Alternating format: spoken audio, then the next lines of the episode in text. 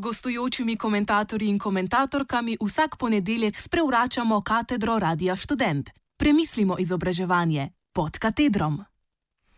Pod katedrom je oddaja, ki v našem etru sledi, pa jo ne bomo še čisto načeli, namreč eh, ker je zapisana v rahlo drugačni formi in sicer ponavadi naši univerzitetni pri, uh, avtori uh, napišejo prispevek oziroma komentirajo trenutno dogajanje.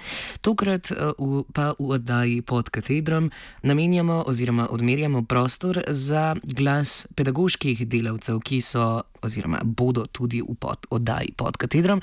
Odzaj um, podali svoj odziv na um, spremembe zakona o osnovnih šolah, ki jih je vlada v javno razpravo dala 18. maja letošnjega leta. Preden pa uh, zagrizemo v samo oddajo znova, še opozorimo, da ste prej poslušali Nightwave, torej na škotskem delujočo domačo elektronsko producentko, s katero uh, smo na našem radiju pred kratkim opravili intervju, ki ga lahko na naši spletni strani tudi poiščete pod katedrom 3-4 zdaj.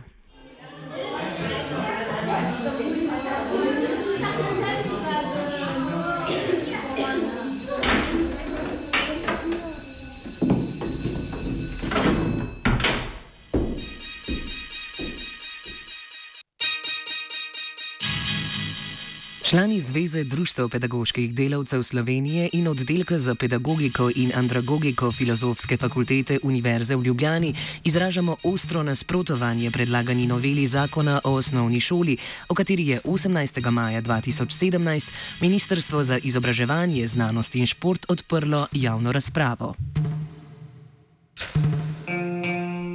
Številne spremembe, ki jih predvideva omenjena zakonska novela, so strokovnega in sistemskega vidika izjemno sporne in tudi v neposrednem nasprotju s predlogi rešitev, o katerih je bil dosežen strokovni konsens v času zasnove zadnje bele knjige o vzgoji in izobraževanju leta 2011.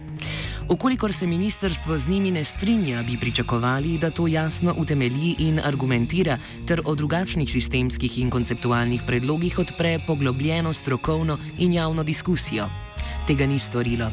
Tako je denimo naravnost osupljivo, da, da želi MIZŠ brez resne strokovne razprave, brez kakršnih koli relevantnih konceptualnih podlag ter brez empiričnih podatkov in analiz, dobesedno čez noč ukiniti oddelke podaljšanega bivanja za učence od prvega do petega razreda osnovne šole.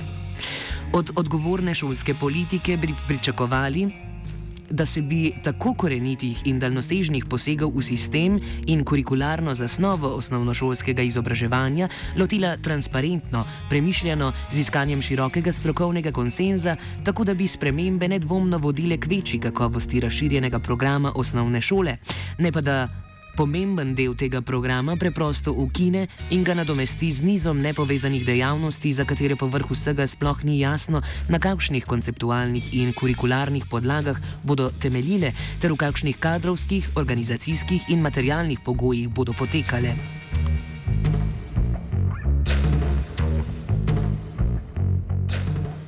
Prav tako je v nasprotju s predlaganimi rešitvami iz Bele knjige tudi uvedba drugega tujega jezika kot obveznega predmeta.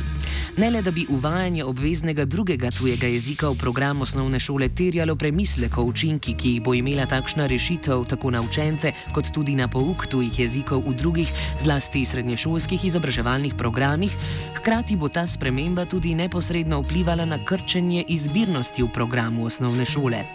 Če bi bila novela zakona sprejeta, bi si namreč učenci odslej lahko izbirali le en obvezni izbirni predmet v obsegu ene ali dveh ur tedensko in ne več dve ali tri ure tedensko.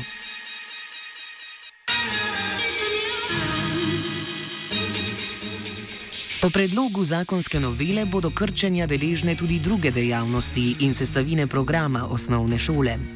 Namesto najmanj treh strnjenih dni bo denimo šola v naravi lahko potekala samo dva dneva, Z drugimi besedami, danes se bodo učenci odpravili v šolo v naravi, jutri pa se bodo že vrnili domov. Ker je bil doslej obseg šole v naravi sistemsko nedorečen in je bil tudi zaradi tega del učencev, zlasti tistih iz socialno in ekonomsko deprivilegiranih družin, za njo prikrajšan, je nujno z zakonom jasno določiti, v kakšnem obsegu je šola dolžna organizirati šolo v naravi. Toda po predlagani rešitvi bo za posamezno generacijo osnovnošolcev šola dolžna izpeljati le eno šolo v naravi, kar pomeni, da bodo lahko učenci v devetih letih deležni zgolj dveh dni takšne izvedbe razširjenega programa. Si res v tej državi tako predstavljamo prizadevanje za vsebinsko, didaktično in organizacijsko pestro in kakovostno vzgojo ter izobraževanje? Nesprejemljivo krčenje se obeta tudi na področju zborovskega petja kot pomembne glasbene in kulturne dejavnosti osnovne šole.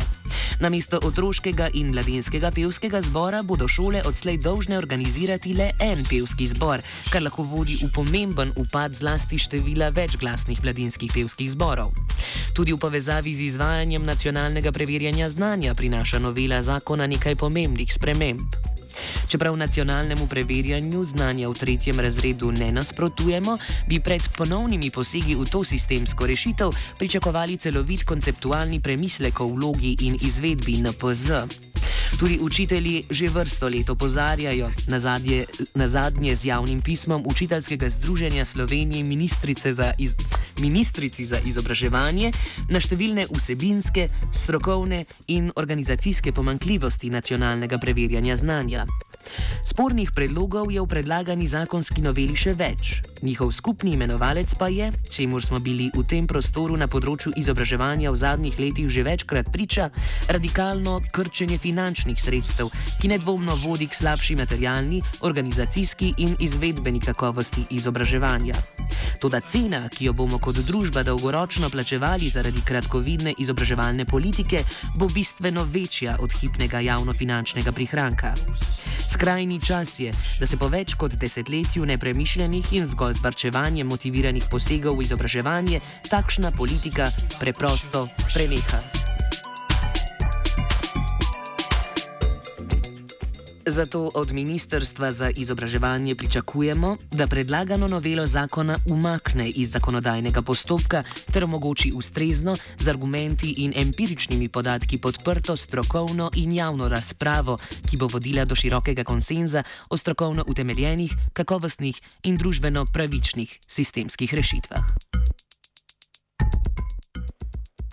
Tako pedagogi v odziv na predlog zakona o osnovni šoli.